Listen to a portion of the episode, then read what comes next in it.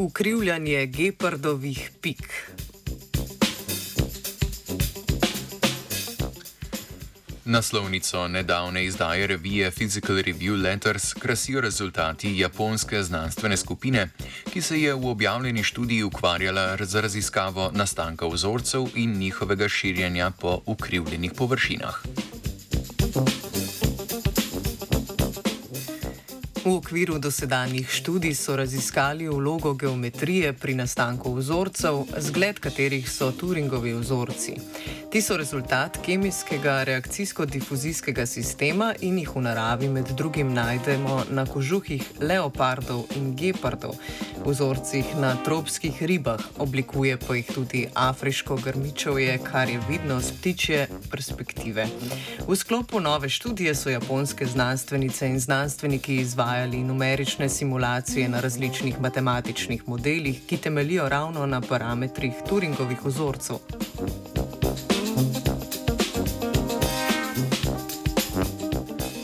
Med raziskavo so opazili, da se sprva statični vzorec na ravni površini po preslikavi na ukrivljeno površino začne širiti kot posledica molekulske dinamike v snovi.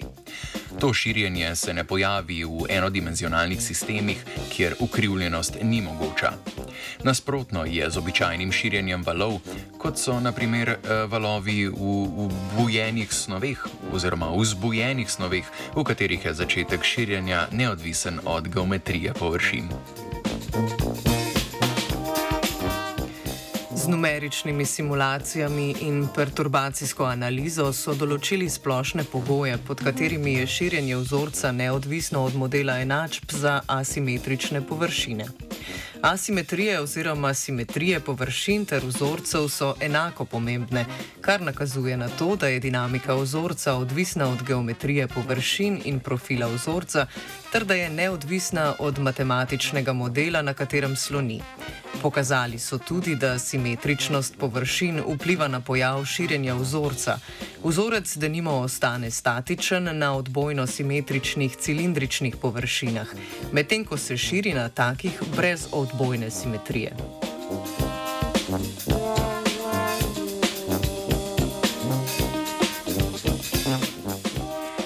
Izsledki znanstvene skupine izpostavljajo vlogo geometrije površine pri dinamiki vzorca, ki je uporabna tako v naravnih kot tudi v inženirskih sistemih.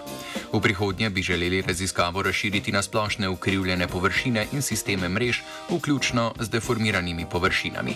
Zanimivo bi bilo raziskati tudi podobne pojave v sistemih, ki niso reakcijsko-difuzijsko odvisni, kot so denimo sistemi z aktivno snovjo, s polarnimi ali nematskimi simetrijami.